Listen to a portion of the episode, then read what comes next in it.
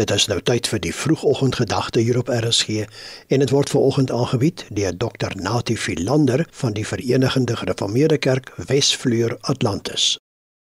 Liewe luisteraars, goeiemôre. Psalm 80 is 'n volksklaaglied. Omtrent 'n derde van die Psalmboek word as klaagliedere geklassifiseer. Klaagliedere bestaan gewoonlik uit 'n oproep, 'n klag, 'n pleit of smeking motivering en 'n belofte.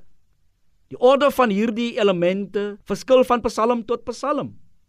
En die elemente is ook nie altyd voltooi of afgerond nie. Al hierdie elemente is aanwesig in Psalm 80. En in hierdie elemente is twee opvallende dinge wat uitgelig moet word. 1.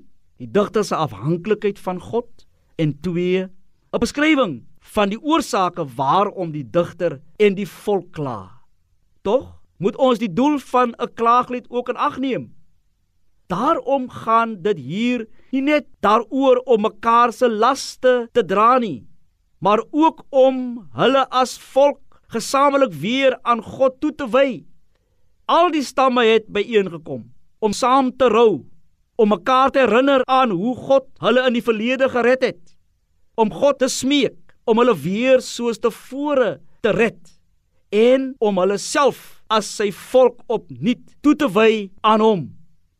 In hierdie klaaglied van Psalm 80 is daar nie plek om vingers te wys na mekaar nie, maar om as gemeente saam voor God te kom en jou afhanklikheid voor God te bevestig en te bely.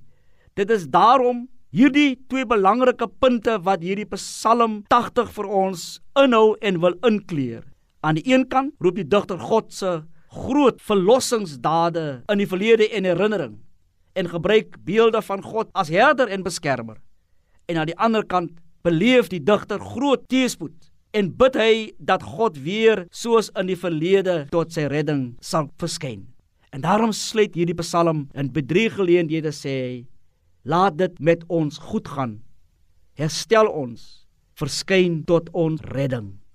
Luister tog, Here van Israel. Amen. Dit was die vroegoggendgedagte hier op RSG en dit is aangebied deur Dr. Natie Philander van die Verenigde Gereformeerde Kerk Wesvleur Atlantis.